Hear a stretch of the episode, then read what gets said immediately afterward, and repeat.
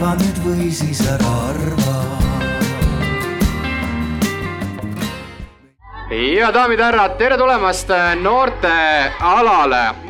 mul on väga hea meel selle ilusa ilmaga tervitada siin, minu nimi on Roger ja olen kaks päeva siis selle ala juht, juhatan kõik arutelud sisse ja välja ja räägin, mis meil siin saama hakkab, ise igapäevaselt töötan Haridus- ja Noorteametis, seega noorteteemad on minu väga hingelähedased olnud juba kümme aastat. esimene asi, mis ma teile, head sõbrad, ära mainin, on see, et meil on sellised sinised lipikud siin igal pool, keegi juba uuris, et kas need on broneeritud kohad, ei ole. julgelt võite need sinised ära võtta, istuda sinna, kus mugav on, kotttoole võib liigutada, liigutada, tundke ennast mugavalt. Need on selle jaoks, et kui teil see küsimus haakub või see mõte haakub, mis teil seal peal kirjas on, siis te võite vahepeal püsti tõsta ja võib-olla ka moderaator või arutleja seda märkab ja tahate tõesti teada, mis see lahendus siis ikkagi on. räägitakse ainult nii-öelda ümber aiaaugu, aga keegi ei räägi siis sellest postist, mis sinna aiaauku võiks minna. tõstke üles ja ehk äkki minnakse siis täpsemalt ka sisu kallale. iga arutelu kestab meil poolteist tundi ja kui arutelud on läbi, siis ma endiselt suunan teid sinna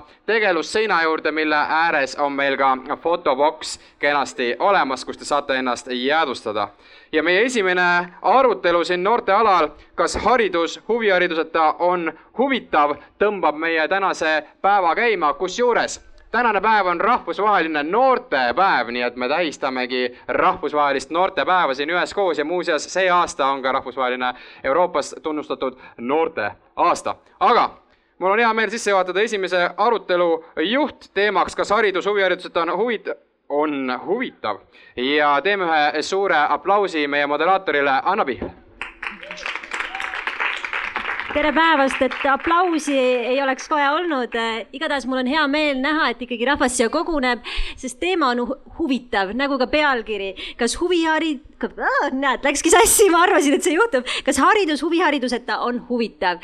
ehk äh, ma ei hakka isegi teilt küsima ega paluma, et kes tõstaks käe, et kui vastaks jah, sest ma arvan, väga neid ei ole, et see on nagu üksmeelne arusaam, et ikkagi me vajame huviharidust. aga meie püüame siis tänases debatis aru saada, miks seda on vaja milline see huviharidus võiks olla ja milline on selline tuleviku huviharidus ja kõigepealt siis tutvustakski meie tänaseid äh, arutlejaid, kõigepealt äh, Inger, kes on äh, muusik, aga ka jalgpallitreener, nii et tema oskab rääkida, kuidas mitut ala ühendada. siis on Riin Tamme, Haridus- ja Teadusministeeriumi noorte ja andepoliitika osakonna juhataja. edasi on Timo Steiner ja Andreas Kaljuste Mubast ehk siis Muba direktor ja Muba klassikalise muusika loovjuht ja mõlemad on ka siis muul alal, et kes, Timo on helilooja, Andreas on dirigent ja muusik Jaanus Põlder, Kiviõli kunstikooli direktor ja siis viimasena Laineli Parrest, Viljandi kunstikooli juht. nii, Laineli kohe lehvitas aga ma alustakski sellest, et miks meil ikkagi seda huviharidust on vaja, mis ütleb teie kogemus, mis ütlevad lapsed? Laineli, sina võtsid isegi kaasa väikese sellise kunstitöö kollektsiooni, kus äh, sinu õpilased siis põhjendasid, miks nad ikkagi tahavad kunstikoolis käia? ja väga tore, tervitused kõigile noortele, kõigepealt, kas korraks võib küsida, kes siin on vanuses seitse kuni kakskümmend kuus noortealal? Juhuu mõned ikka on väga tore. Äh, jah, kunstikoolis äh, nüüd, mis ma ette loen, siis kunstikooli asemel kõik võivad panna endale sobiliku huvikooli, robootika või muusikakooli või, või balleti Äh, kursuse siia asemele, aga ma mõned loen ette, siis annan publikule ringi käia, nad on ilusasti turvaliselt lamineeritud. täitsa juhuslikult küsisime, kuna meile meeldib noori kaasata, miks sa käid kunstikoolis? millised võiksid need vastused olla, mõtlesime, et tore oleks neid vastuseid kuskile sarnase telgi peale kleepida, et siin on vahva, siin saab joonistada, siin saab maalida. ja vastused, mis saabusid, olid järgmised, need on originaalid, ärge neid palun põue pistke pärast. mulle meeldib kunstikoolis käia, sest see on ainus koht, mis on mulle sobilik, neljas klass. kunstikoolis ma unustan oma mured ära. Kunstikoolis tunnen ennast turvaliselt. kunstikooli kinnipanemine oleks emotsionaalne enesetapp.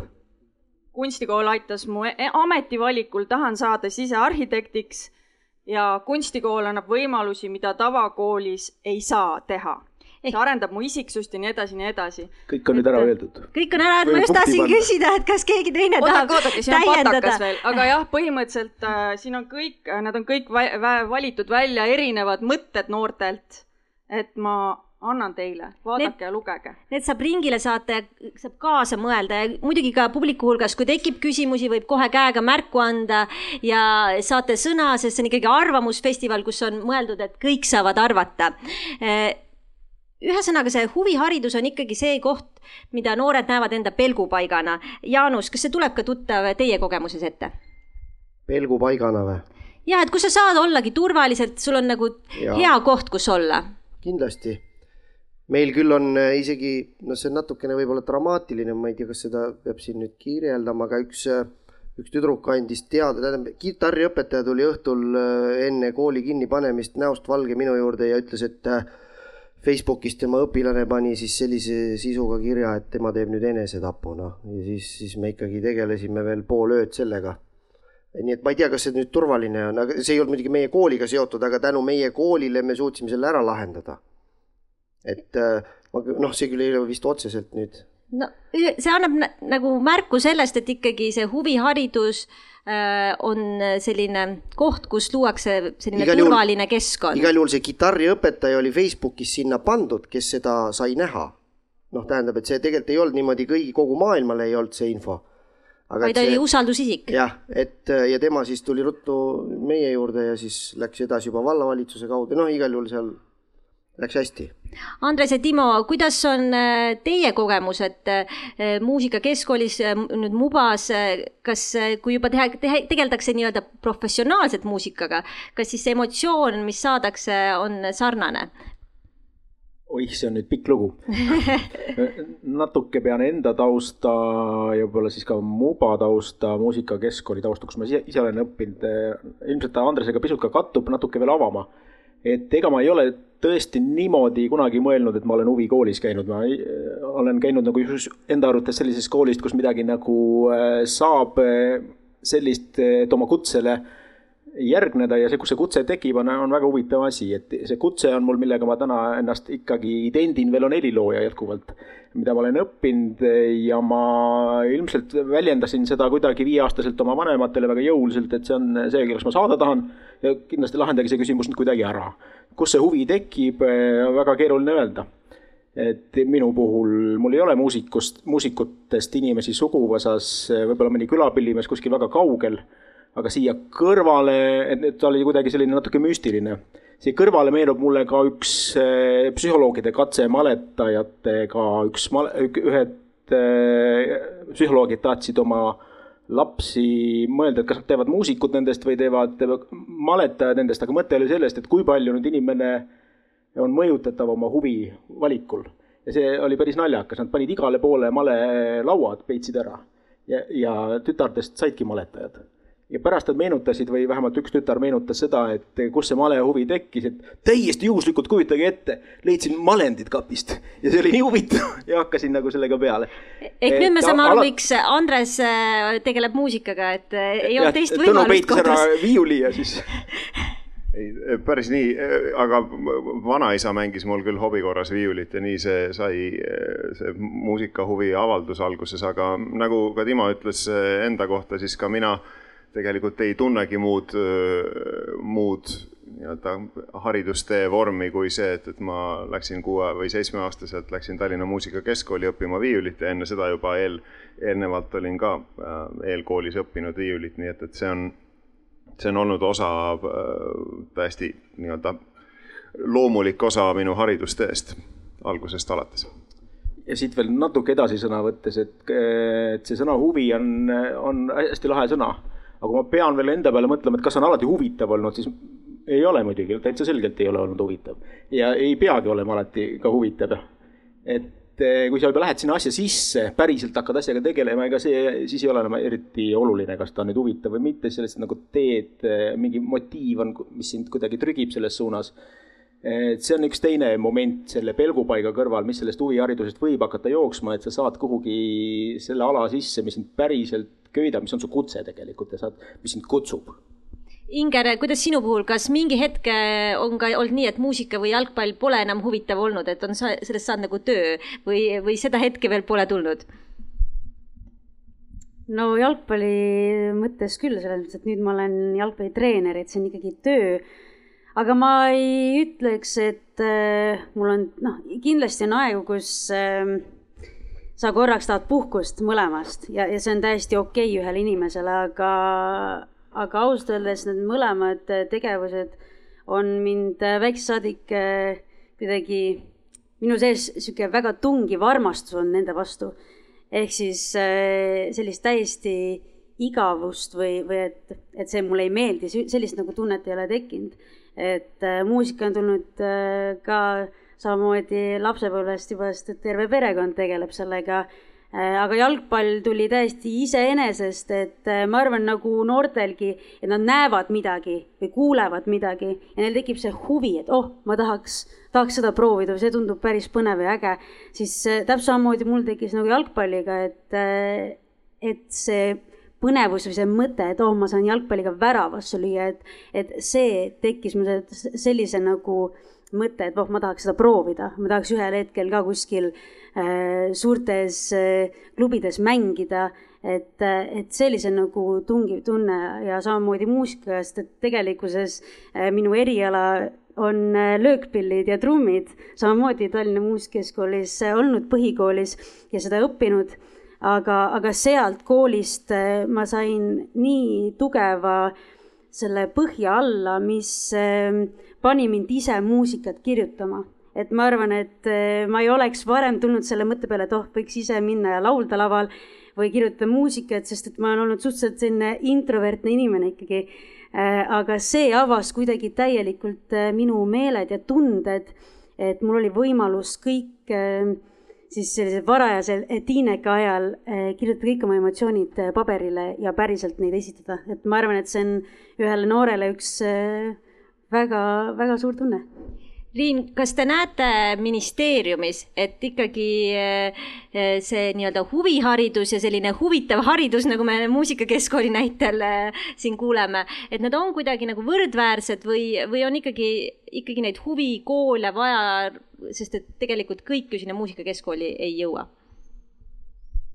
ja kui ma kuulasin seda neid noorte ütlemisi, siis noh, siis millest see, millest see haridussüsteem tegelikult lähtuma peab ja sealhulgas siis huviharidus, mis nii-öelda kuulub küll meil noortevaldkonna alla, aga on ikkagi väga tihedalt äh, kogu haridussüsteemiga seotud ja, ja aina tihedamini seotuks ta saab, et äh, me peame väga osavalt ja oskuslikult äh, kuulama seda, mida räägivad meile noored ja sinnapoole oma sammud seadma, et kindlasti on see oluline suund ja oluline suundumus, et haridus ja huviharidus nii-öelda Äh, ma, praegu nad kindlasti ei ole nii võrdväärsed, kui nad peaksid olema, aga me väga jõudsalt liigume sinnapoole, et, et see asi läheks paremaks Jaanus, äh, kuidas äh, sulle tundub, et kas see tavaline, selline tavaline muusikakool äh, annab selle.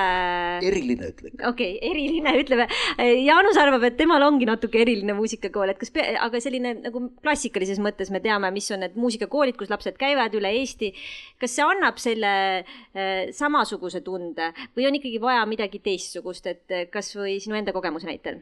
Ei no minu eh, isiklik kogemus on see, et mul jäi muusikakool eh, teises klassis juba pooleli, sest et eh, seal ei olnud nagu väga midagi, mis mind oleks kõnetanud või, või mis oleks tundunud põnev. ja edasi siis käisin, aga muusikakooli pluss oli see, et mind või see oli nagu kohustuslik, ma käisin Tallinnas Nõmme muusikakoolis ja see oli vähemalt klarnetimängijatel oli kohustuslik minna ka puhkpilliorkestrisse, aga see oli siis tolle, tollane pioneeride palee ja tänane Kullo ja ma käisin seal edasi, muusikakooli jätsin pooleli, aga käisin seal orkestris edasi, seal oli jumala äge, seal ikkagi tegime, tegime kõike poistega ja seal mõned tüdrukud olid ka. ja, ja täna ma olen siis muusikakooli direktor ja paraku siis ütleme nagu justkui mitte klassikalise põhjaga või, või noh, mitte siis äh, sellise muusikakeskkooli või muusikakooli haridusega, et see mul puudub. Äh, aga aga kuna ma sain äh, nüüd kakskümmend aastat tagasi juba äh, Kiviõli kunstikooli direktoriks, siis äh, me oleme seal muutnud küll natukene seda noh, ma ei tea siis, kas nüüd vabamaks või, või huvitavamaks või kergemaks. no noodis teie äh, lapsed seal ei mängi, on see mängivad põhiline?, mängivad. aga mängivad ikka, enne lapsed ei, ole, oleme selles mõttes täpsed, et minu õpilased ei pruugi mängida. Aga meil on koolis veel äh, üle kahekümne õpetaja, mitte kõik ei tee nii nagu mina. aga, aga jah, et me, meil näiteks äh, noh, õpetajad olid väga ehmunud, kui ma ütlesin, et meie koolis enam hindelisi heliredelite arvestusi ei toimu. kõik olid nagu šokis, et äh, mis, kuidas nüüd niimoodi siis läks ja siis mingi aeg kuulsin, et äh, koolis räägiti, direktor keelas heliredelite mängimise ära. mina siis hakkasin uurima, kes, mis, kust te seda võtate? no sa ütlesid arvestused, ma ütlesin, aga ega siis arvestused, arvest-, hindeline arvestus ei tähenda, et heliredeleid ei pea mängima. ma ütlesin, et äh, seal neli-viis inimest ei istu saalis või klassis ja üks ei tule ja ei hakka hinde peale seda nagu tegema, et noh, me ju ei lähe, see on umbes minu jaoks on seesama, et kui suusataja noh, treenib ennast ja siis ta teeb kangiga kükke ja mingi komisjon paneb talle hindeid, vaatab, kuidas ta teeb kangiga kükke ja, ja paneb hinde. no ma ei tea. Andres, Timo, kas Mubas võiks ka olla samasugune äh, reegel või idee? kangiga kükke teha. ei, mõtlesin heliredelite osa, aga võib ka kangiga kükke muidugi. no inimesed on ju päris erinevad ilmselt, mis tahtmisega nad äh, muusikakoolis ka on. selles suunas võiks ju liikuda küll, et äh, see hindamine võiks olla ju rohkem selle sõnaga märgitud nagu tagasiside. et mida teadlikumaks ju saad sellest eesmärgist, mida sa tahad selle erialaga saavutada, seda rohkem sa tahad seda tagasisidet saada tegelikult, siis see number ongi võib-olla vähem tähtsam. tegelikult on vaja seda, mida siis täpselt endas edasi arendada ma võib-olla siin toon ka selle toreda näite proflaulja ja amatöörlaulja, mida vahel, mida on psühholoogid tähele pannud, et kui amatöörlaulja tuleb tunnist ja ta enda lõbuks on laulnud, siis ta on õnnest särav nagu päike, nagu tänase päeva päike ja ta on väga õnnelik selle kogemusele ja see anda elule annab väga palju juurde. proflaulja tuleb ka tunnist, aga ta on väga murelik. ja võiks öelda, kas midagi nüüd lahti, et kas profil on siis nüüd äh, ei, ei paku talle seda rõõmu, aga tal on hoopis teine eesmärk ta mõtleb, kui palju ta sai nüüd tagasisidet, kui palju ta peab veel endaga nüüd töötama, mida ta peab veel tegema ja kogu see mõte on tal nagu selle asja juures. ja ta mõtleb edasi, seab järgmisi eesmärke ja ongi lihtsalt erinevad nagu tahtmised. aga ega see heliredelite mängimine võibki olla nii, et mõnda äkki natuke motiveerib hinne rohkem, mõnda motiveerib eh, tagasiside rohkem, seal see mingisugune paindlikkus võib-olla võiks paista. aga no selge on see, et tehnikat on vahepeal vaja ka lõbusalt arendada, muidu muidu ei tule ka välja. laineliini ja, ja siis kohe Andres. kiire loosungi koht, ma noppisin siit välja hinneid ja kas see on oluline ja numbrid ja asjad. nii, loosungi koht, noored, palun plaksutage, kui mul on õigus. esimesest septembrist kõik huvikoolid hindevabaks. kompromissitult, ei mingeid hindeid. see on kool, kus sa oled vabalt. ja palun jätkake. mulle lühilaused alati tunduvad sellised eh, torked nagu kuidagi ootamatud, et, et eh, tõde on ilmselt nii, et eh, hindevabaks ja, ja hindamisega, et mõlemad on, ma arvan, väga olulised asjad, lihtsalt kuidas leida see tasakaalupunkt selle vahel. et kui me kuidagi, mina isiklikult tunnen, kui suudaks vältida lihtlauseid eh, sihtide seadmisel, ma oleks väga õnnelik, sest sealt koma taga tundub olevat alati see, mis annab hoopis teise värvi sellele. no mõned sihid on ikka päris inspireerivad, olgem ausad. muidugi, lihtlause on jälle tihtilugu väga inspireeriv, selles ma olen, sellega ma olen nõus nii, Andres, soovisid täiendada? jah, selle äh, heliredelite ja etüüdide arvestustega tulid kõik äh, äh, lapsepõlvetraumad tagasi ähm. aga, aga mis pu- puudutab seda, siis see on, see on tõesti, see on, see on, kui, kui me räägime sellest, et, et mõni tahabki nagu, nagu räägib nendest hinnetest, kui on, see on niisugune motivaator, et vot ma, ma tahan viiele õppida, ma tahan neljale õppida, siis tegelikult sel-, kas pole mitte see, et, et need need raamistikud ja need soovid tulevad sellest süsteemist, mida meie nagu täiskasvanud oleme nagu välja mõelnud. et Et- lapsevanemale on tegelikult see hinne isegi olulisem kui lapsele tihti. ei, ma ei räägi otseselt lats- lapsevanematest, aga ma räägin näiteks noh, koolist või haridussüsteemist, et meil on, meil on selline raamistik, siin sa, sa õpid neid aineid ja siis nende sooritamise eest me paneme punkte aga, aga, ja kui see on see keskkond, kus sa nagu üles kasvad, siis see on see ainuke keskkond ju tegelikult, mida sa tunned ja teadki ja, ja loomulikult siis sa selles keskkonnas tahad äh, sooritada asju hästi, sa ei taha ju sooritada halvasti.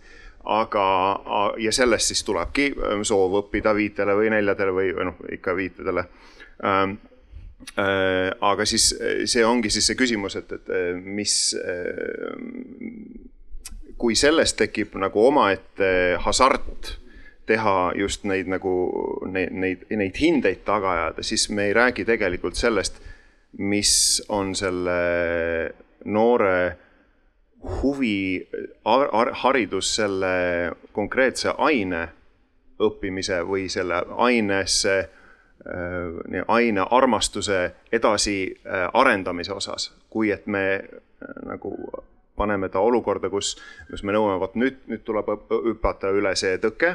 Hästi, see tõke on nüüd viie peale hüpatud, järgmine tõke on nüüd siin, siis sa hüppad selle viie peale. ja kas see, kuidas me saame seda ühendada sellega, et, et see õpilane tegelikult ei tunneks seda, et tal on kogu aeg vaja nagu mingisugust takistust hüpata või mingisugust asja saavutada, vaid see, et, et see on hoopis selle selle, selle meediumi, selle joonistamise, maalimise, äh, muusika, komponeerimise, mida iganes, selle armastuse arendamine ja selle eest hoolitsemine, kui et sellele nagu saavutuste peale nagu minek. loomulikult on oluline, et on, on e, noh, eeskujud et oh, et ma tahan mängida jalgpalli nagu, nagu, nagu Messi või ma tahan mängida viiulit nagu Kavakos või nii edasi, edasi ja noh, et meil on, meil on eeskujud, mille nimel me nagu töötame ja, või ma tahan mängida Bachi muusikat, sellepärast et see mind täiesti köidab.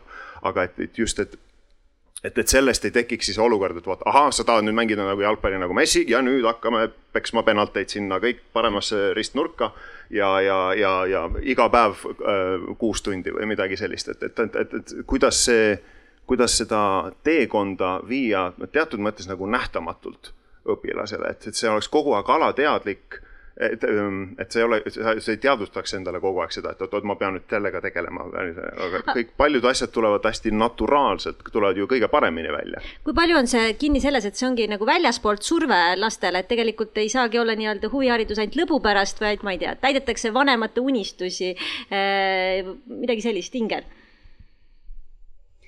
no nüüd ma loodan või ma vähemalt tunnen, et see hakkab rohkem olema ikkagi lapse enda soov, et et, et olen näinud ja kuulnud eh, ka seda varianti, et ongi, et see ongi lapsevanema soov rohkem kui lapse soov. aga need, kes mul ikkagi nagu trenni tulevad või noh, peale selle ma annan ka veel ukuletunde, kes mul ukuletundi tulevad. Eh, see on ikkagi täiesti teine, teise sellise nii-öelda tunnetuse või eesmärgiga nad tulevad ikkagi sinna et äh, sama... samas olen mina kuulnud küll, et kui jalgpalli laste matšid on, siis vanemad on, võivad omavahel peaaegu käsipidi kallale minna üksteisele. ei no vanemad on ikka crazy'd selles mõttes heas mõttes äh, no tegelikult on ju tore, kui ka tegelikult ühele noorele lapsele, kui vanem on seal ja, ja elab kaasa, minu arust see on üks positiivne nagu nähtus, et aga, aga selles mõttes, et kes päriselt trenni tahab tulla või kes päriselt Ugule tundi tahab tulla, on ikkagi see laps, sest et tegelikult ju treener on see, kes ta nägu seal joonistab. Et äh, kuidas see meeskond peaks toimuma või kuidas see laps seal Ugule tundi nagu mängib, et mina olen Äh, aru saanud, et ma olen ise selline no ma suudan lihtsalt noortega võib-olla suhestuda ja mul tekibki nagu see side nendega, et ka Ugule tunnis ma ei sunni teda asju tegema, mida ta ei taha teha, vaid samamoodi lähengi samm-sammult sinna, et tal tekiks võib-olla endale see huvi. et äh, ma ei ütle, et sa pead nüüd täna neid heliredeid õppima või mulle hindele vastama, vaid iga laps on ju erinev, iga noor on erinev, erinev ja, ja võib-olla õpib seda ka erinevalt äh, selles nagu ajapikkuses nagu selgeks. et lõppkokkuvõttes on see, et mida ta tahab selle, selle teadmisega teha. Mis on see mõte, et noh, mul küll on natuke teine idee selle ukulele õpetamisega, et nad tõesti ei peagi mingeid eksameid ega asju tegema, aga ma küsin kohe õpilaselt, et, et äh, mis on sinu nagu soov sellega, et kuhu, et kas sa tahad rohkem mängida neid laule ja tahad äh, just seda poolt nagu õppida või tahad sa teada ka, mis noot, noote sa üldse mängid seal et tegelikult suuremalt on see, et õpilane tahab teada ka ju, mis noote ta mängib, ehk siis me mingil määral ju ka natukene äh, ka puudutame neid äh,, neid heliredeleid ja, ja, ja kolmkõlasid ja kõik, mis on sellega seotud äh,. aga samamoodi nagu ka trennisiseselt, et, et sul on alati eesmärk, me ei lähe ju äh, hooaega või meistrivõistluseid või turniire mängima nii, et ah, tead, niisama kõksi või midagi sellist. et alati on ju ka treeneril mingi eesmärk, et, et mis asju veel paremaks saada, et meeskond toimiks. aga see ei ole alati see, et noh, me nüüd kõksime kogu aeg seda palli täpselt samamoodi, vaid nagu, nagu öeldud, siis ongi, et sa lähed kuidagi nii, et nagu pimesi, et nagu tegelikult need noored võib-olla ei saa aru, aga sa paned kuskile soojendusmängu sellesama mõtte või idee ja nad saavad tegelikult selles mängulisuses selle rohkem selgeks ja saavad aru, et lõpuks neil on see, et aa, hoopis see, see käis nii. ehk siis neil tekib ka see nagu, see ahastus, et aa, et sellest ühest mängust on võimalik ka mulle seesama asi nagu selgeks saada. et ma arvan, et see on nii, kuidas tegelikult see treener, õpetaja, ükskõik kes nagu võib-olla siis suhtub sellesse või ku kuidas ta nagu näeb, et see võiks selle eesmärgini jõuda Riin, kuidas teile tundub, mis võiksid olla need sellised ähm, lahendused, et ikkagi ei juhtuks nagu Jaanuse puhul, et äh, pärast kahte aastat tahavad äh, lapsed katki jätta huviharidust, äh, et ei, ei ole see. tal läks ju hästi, ta läks, jättis orkestri, jätkas orkestris mängimist. seda küll jah, aga ütleme, et kõigil ei lähe nii hästi, mõned jätavadki katki, ei taha minna, et, et milline, mis teha no vaadates nüüd seda harid-, süsteemi nagu tervikuna, siis äh, meil on vaja tegeleda väga tugevasti mõttemaailma muutusega. just nimelt sellega, et, et mõtestada ära, et mis on see huvihariduse päris roll siis selle haridussüsteemi osana ja kuidas tegelikult ka mitte ainult nii-öelda üks pool ei pea nagu kuidagi ei tohi muutuda nagu teise sarnaseks, vaid just nimelt, et meil peab see huvihariduse, see nii-öelda see identiteet alles jääma, aga samas ta peab suutma nii-öelda pakkuda haridussüsteemile nii-öelda lisaväärtust ja samamoodi tegelikult haridus, haridussüsteem peab selles mõttes tulema noh, tahaks öelda, ütleme mäe otsast alla hakkama nagu huviharidusele vastu tulema, et aru saama, et tõesti, et äh, millist väärtust see pakub nagu noorele, just peamiselt noorele, sest noh, me, see üks ja sama noor, kes käib koolis, kes käib huvikoolis, on seal keskel ju. et kuidas me teda nii-öelda ära ei lõhu, kuidas me, kuidas me saame teha nii, et ta ei kirjuta, et ta läheb enesetappu tegema et tal oleks seal süsteemis nagu hea olla ja tegelikult see huvikooli õpetaja, üldhariduskooli õpetaja, sageli võivad ka nad olla nii-öelda samad inimesed, teda nagu nii-öelda mõlemalt poolt toetaks, et tegelikult see, ma arvan, et ongi, et mõttemaailma me rahaga suuresti ei muuda, aga ma arvan, et mulle tundub, et see on nagu kõige keerulisem. ja teine, mis ma siit tegelikult ka väga oluli-, olulisena siit sellest jutuajamisest kaasa võtsin ja, ja millele me ka andekate puhul või siis võimekate õpilaste puhul oleme tähelepanu pööranud ja aru saanud, et see praegused nii-öelda need väljendusvõimalused andekatele on hästi võistlustele orienteeritud. sest on väga palju noori, kes äh, muutuvad selle tõttu kas alasooritajaks, kuna nad ei taha minna võistlustele, et just leida neid teistsuguseid eneseväljendusvõimalusi, kus nad tegelikult saavad samamoodi oma võimeid arendada, oma tugevusi näidata aga see ei oleks nagu võistlusliku momendiga. Laineli, te olete seal nihelenud, ma saan aru, tahate väga sõna saada? ma ei jõua kõik seda nihelemist ära niheleda ja aitäh, väga head mõtted ja eriti just praegu, kus me jõudsime ministeeriumi poolt äh, suure pildini. Äh, aga see koht muidugi paneb nii nihelema, et äh, huviharidus ja identiteet, ma arvan, huviharidusega on Eestis selles mõttes super et, äh, et see on selline aarete laegas, et, äh, et tõesti, seal on potentsiaal, valmisolek ja mis kõige tähtsam, see on see teerada, kus tavakoolist, kus laps on kurnatud, näljane, väsinud, ülekoormatud, sama on õpetajatega, kurnatud, lahkumisavaldused, puntras omadega, on ka häid näiteid. Ja ta ikka tuleb sinna huvikooli ja ta teeb selle programmi läbi et me ei peaks siin rääkima täna huvikoolist äh, lahkujatest, mis on nagu marginaalne number, sest tegelikult huviharidusse, huvitegevusse on kaasatud Eestis, vähemalt Viljandis, me teeme üldistuse kohe, äh, väga kena number äh, noori. see näitab seda, et mida see näitab, uskumatu, aga Eesti noored arvavad, et nad on inimesed, et nad on täiskasvanud inimesed ja neil on õigus tegeleda eneseteostusega, isegi siis, kui nad on veel noored ja nad tahavadki nagu täitsa valida kohe seda, mis neid huvitab ja kinnistada seda ja panustada oma aega, isegi kui nad on väsinud, näljased, kiusatud, katki. Neid on, neil on halvasti öeldud, nad on tundnud ennast nagu, mis siit, ütleme, kui me vastandume nende äh,, siin tunnen ennast turvaliselt. tavakoolis järelikult ta ei tunne. siin ma saan ennast väljendada. järelikult seal on mingid vajakajäägid et see on võib-olla see koht, kus äh, me peaksime nagu vastamisi abikäed äh, ühendama. tavakool, ma tahan, et kunstikooli jõuaks, äh, jõuaks puhanud ja õnnelik laps, et ta saaks oma huvialaga tegeleda. tavakool lühemaks, ei kodutöödele, lapse hinged terveks, see tähendab väga tõsiselt tegeleda kiusamisteemaga, koolid peaks algama, seal on need noored, pärast tulen nende juurde, ma rääkisin väravast nendega, nende mõtted on need kool peaks algama üldse sellega, et inimesed saavad äh, omavahel tuttavaks, sul tekib äh, turvavõrgustik õpetajate ja ülejäänud oma nende äh, eakaaslastega.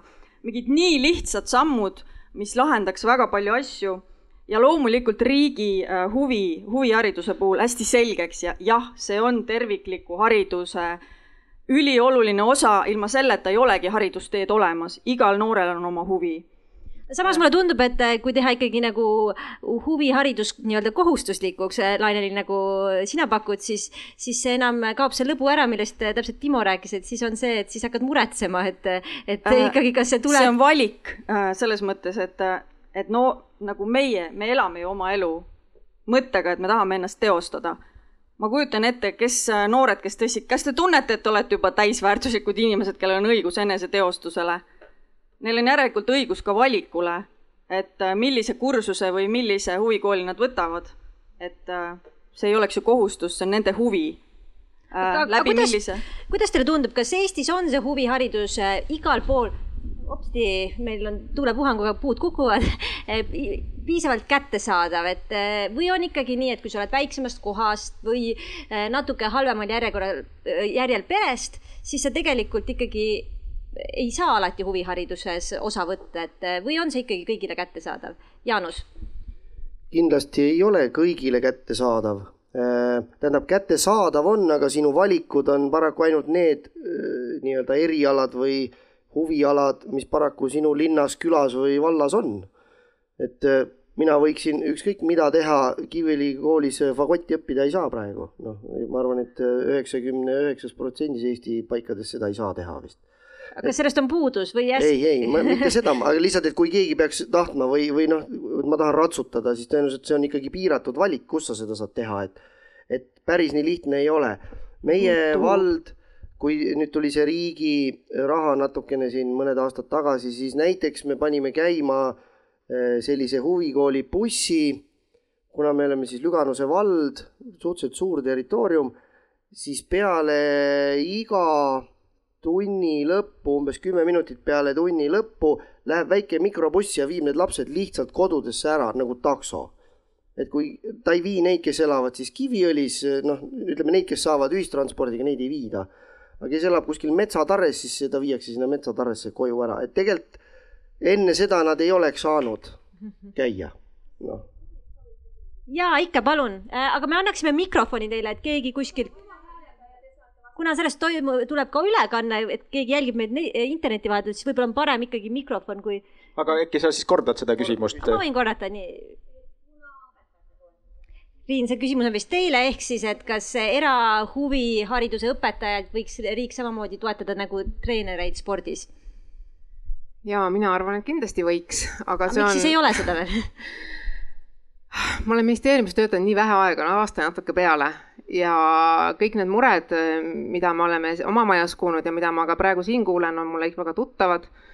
ja lihtsalt me oleme suures süsteemis, mida, mida väga kiiresti ei muuda, aga me liigume selle poole, sellepärast et kuna meil on üsna suur probleem riigis andmetega, et meil ei jookse kätte korralikud andmed sellest, mis tegelikult räägime siis praegu noortevaldkonna töötajatest et võtta siis äh, häid aluseid ja öelda, öelda, et äh, ja panna neid nii-öelda poliitikutele lauale peale ja öelda, et näete, et meil on siin päriselt probleem, vaadake, meil on need numbrid, äh, numbrid siin laua peal.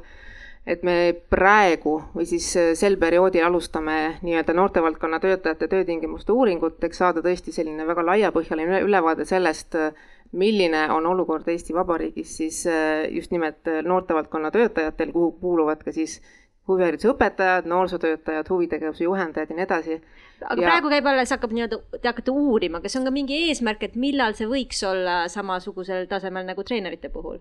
või selliseid eesmärke jään vastuse pole? võlgu, ei ole julgenud ühtegi eesmärki sellist nii suurt püstitada, aga, aga ma ütlen jaa, see ambitsioon loomulikult äh, on, aga ma ütlesin, see on ka poliitiline otsus, seda ei tee, ei tee meie siin Inger, kuidas äh, sina tunned, kas äh, jalgpallitreenerina, ütleme nii, äh, on siis palgad paremad kui muusikaõpetajana, sest et lihtsalt ongi, üks on riigi toega, teine ei ole hmm.? sorry, teise rahakotis, palun vabandust. see on kahe otsaga asi, et äh, see oleneb järjekordselt väga palju jalgpalliklubist et ma selles mõttes, et äh, ma olen olnud mõlemas jalgpalliklubis, ma olen olnud nii Viimsis kui ka nüüd olen FC Floras, et absoluutselt äh, palk äh, on palju erinev see on ka see, miks see teine otsus sai nagu tehtud. et ma arvan, et see natuke oleneb ka sellest klubi võimalustest.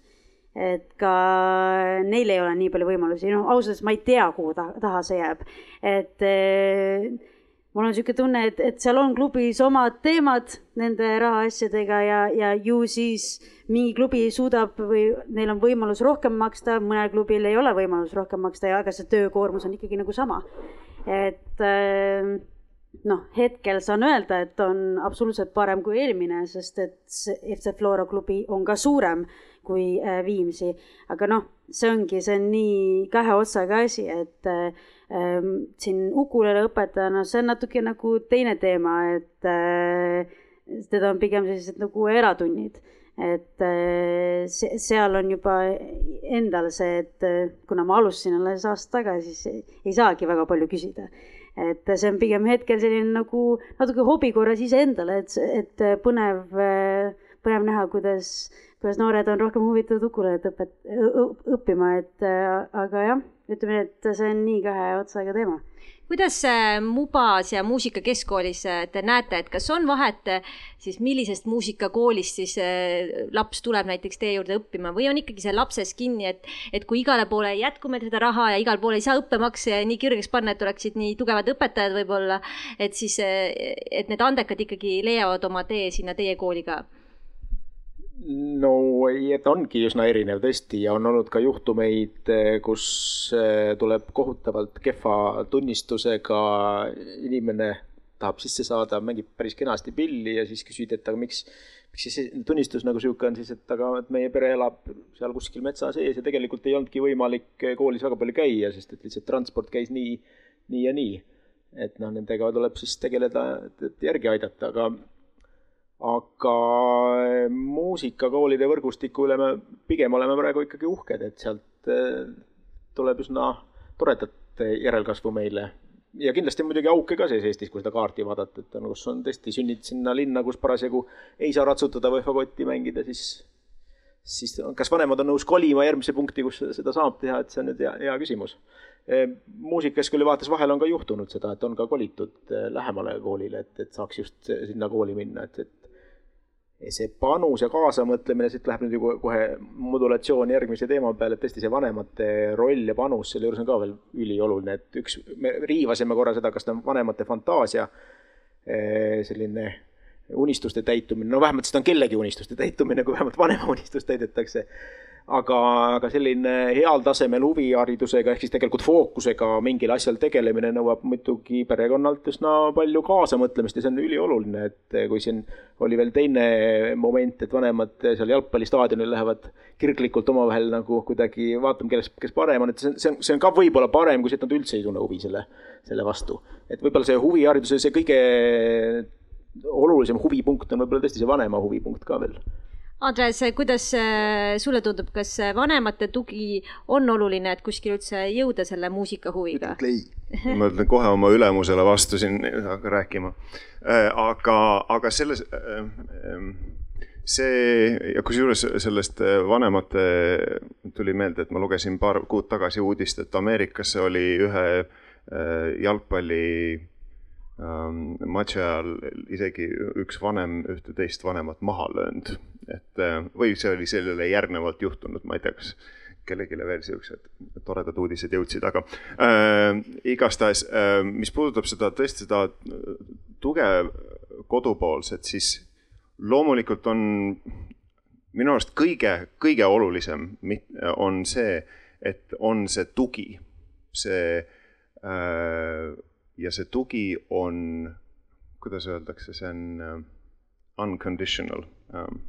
Tingimusteta. tingimusteta, tingimusteta tugi äh,. sellepärast, et äh, see annab, tingimusteta tugi on see, mis annab enesekindlust äh, sellel noorel tegeleda sellega vaatamata sellele, et mida, mis keegi sellest asjast mõtleb, et ta on, ta teab, et ta võib seda asja teha ja sellele on, ta ei pea kellelegi ennast kuidagi tõestama, ta ei pea nagu hindeid siia või, või konkurents tänna. et, et see, kas ta kas ta, noh, räägitakse palju just muusika valdkonnas või kas ükstapuha mis valdkonnas sellest, et, et mida rohkem tunneb kodu äh, selle asja osas nagu mingisugust äh, informatsiooni, et kui vanemad on muusikud, et, et siis on lihtsam või kui on vanemad on jalgpallurid, siis on lihtsam. Äh, muidugi see on, see võib olla, see võib olla kasulik, aga kui seda kasutatakse ära võib-olla teatud mingisuguse pingestuse äh, kaudu, et, et ei, ma tean, ma olen ju seda teinud enne ja, ja ja, ja kuula nüüd mind, et mul on, mul on ju eelteadmised sellest kõigest, et ma ja selle taga on alati muidugi see, et, et sellele soovitakse ju ikka kõike paremat. Aga see iseenesest ei pruugi olla nagu see kõige positiivsem asi, sellepärast et see on ikkagi sellel, selle noore, see on selle noore elu, see on tema elu absoluut täiesti sada protsenti tema elu. ja kõik, äh, mida meie sinna nagu peale paneme, see on, see on, see on meiepoolne panus ja kuidas seda, kuidas me seda teeme, see on, see on, see peab olema erakordselt delikaatselt tehtud. Et, äh, et see ei rikuks seda loomulikku annet ja seda kirge, mis selles inimeses on Jaanus, soovitad täiendada? jaa, ma sellesama, et, et see, see peab olema vanema poolt väga hästi läbimõeldud. üks äh, muusik eelmine nädal meenutas oma lapsepõlve, et äh, ema helistas talle peale kooli, tema oli kodus ja ema helistas, et äh, kas sa lõunasöögi sõid ära? sõin ära. kas sa koolitööd tegid ära? tegin ära. kas sa klaverit ka harjutasid? Muidugi harjutasin. kas sa kommi sõid ära? mis kommi? ema oli klaveri klahvide peale kommi pannud ehk äh, peab oskama motiveerida. Laineli, kui palju teie näete, et, äh, et äh, tegelikult, kui see peretugi puudub, et siis saavad seda kuidagi nii-öelda seda tuge ja usaldust tekitada just needsamad huviringide õpetajad? väga hea, just vaatan silma, seal taga on minu täiesti uued lemmikinimesed, noored C-väravast, Marianne, Henrietta, Maarja ja Maarja, kui ma sain selle käepaela. Äh, ja seal on veel mingid uued, ma ise ütlesin, tulge siia, see on noorteala, see räägib sellest, mis noorte jaoks on huvitav. me ei ole mingid onud ja tädid, kes räägivad mingit onude ja tädide juttu, see on noorteala. et aitäh selle äh, au eest, et, et noorteala on olemas ja, ja palun, et me, et me ei kuritarvitaks seda onu ja aga tulles nüüd tagasi küsimuse juurde. küsimus on täpselt see, et ma palusin nendel vastata sellele, et mis asi on see, mis haridusteelt tegelikult positiivset kaasa võtad, sest loomulikult on lihtne rääkida sellest, mis on raske äh, ja positiivne, mis nad kõik vastasid ühest suust, on see, et hea õpetaja. Hea õpetaja, kes toetab, kes annab oma ainet huvitavalt ja põnevalt, et ükskõik, mis aine see on, et kui see õpetaja on lahe inimene, siis selle ma võtan oma südames kaasa oma kooliteelt. et see kehtib huvihariduses täpselt samamoodi, et äh, sa pead olema valmis töötama noorega, sa pead olema valmis olema loominguline, inspireeriv, sa pead äh, tahtma panustada järgmisesse põlve, sest nemad ju panustavad meile tagasi. Aga millist maailma me tahame, et see küsimus äh, peaks kogu aeg kuklas olema ja mina oma lapsepõlvest, kuna tegelesin balletiga kõik kaksteist aastat, äh, balletiõpetaja oli põhimõtteliselt nagu teine ema, kellega sa iga päev kohtusid ja siiamaani on äh, väga soe koht südames, et aga kuidas sellist usaldust tekitada ja kust need õpetajad leida? keegi tahab? Äh, no selles mõttes, et äh, me ju loodamegi, et praegu need kaalukausid, me olemegi ehk murra, murrangulisel ajastul praegu, et ehk tegelikult see natuke kivistunud koolisüsteem murenebki, et sinna tulevadki lilled ja rohelust ja, ja Riin näeb sellega ju vaeva iga päev, et tegelikult me teame, milline on kaasav haridus, me teame, milline on kaasaegne õpikäsitlus, et kui need noored ütlesid ka, et et, et ma olen kümme aastat õppinud tuimalt ja kuivalt, et ma oleks väga tänulik, kui kasvõi saaks koolis natuke neid meetodeidki nagu, et nooredki on kuulnud, et on igasugused meetodid olemas, eks ju. Et, et me teame seda, aga see võtab aega, see on suur raudne laev, eks ju, see keerab niimoodi. huviharidus on palju paindlikum, et seal me saaksime nagu palju kiiremini just neid teemasid kohe nagu haarata ja hakata tegutsema koos ma tahtsin siia juurde seda öelda ja see haakub ka täielikult väga kenasti sellesama selle õpetajate palgaküsimusega, mis siin enne jutuks oli, et et tõesti, ma julgen käsi südamel öelda, et me tegeleme sellega iga päev ja liigume selles suunas, et see, et see olukord läheks paremaks ja me tegelikult eelmise aasta septembrikuust alustasime ühte Euroopa Komisjoni poolt rahastatavat projekti, mis tegeleb just formaal- ja mitteformaalõppe lõimimisega.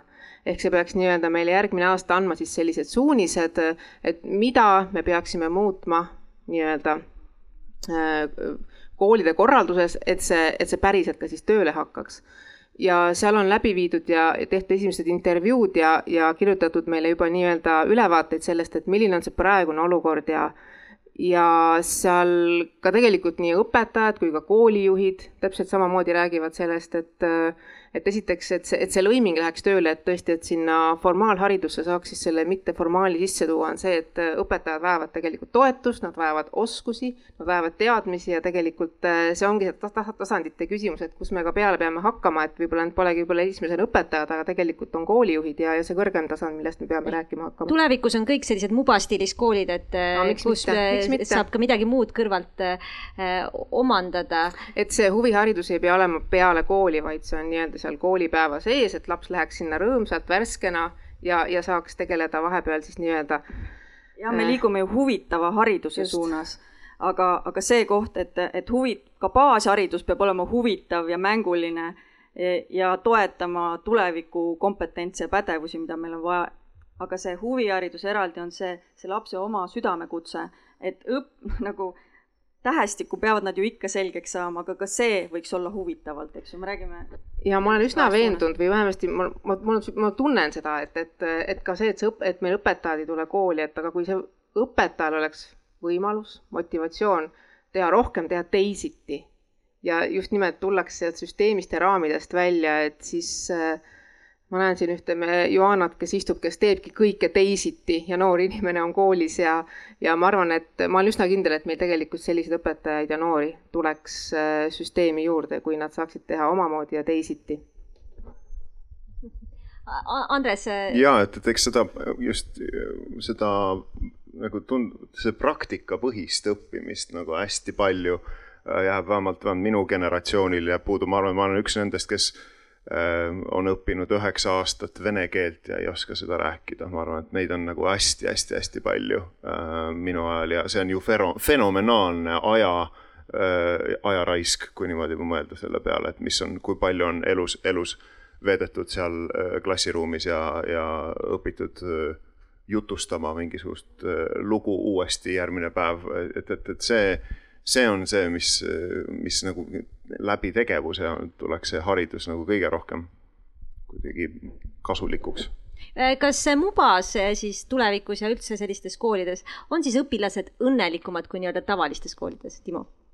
no Muba on selles mõttes ikkagi unikaalne kool, et on küll see, on küll see laste osa, kus on laste motiveerimine ja huvi oluline, aga edasi seal see krõks käib tegelikult ka paljudes huvikoolides kuskil seal kaheteistkümnenda eluaasta peal, kui sa tahad nagu seda teistsugust infot saada, äh, sellele kutsele järgneda, saada seda infot, äh, mis annab sulle tagasisidet, kuidas saada paremaks oma väljenduse tehnika ja kõikide muude selliste asjadega.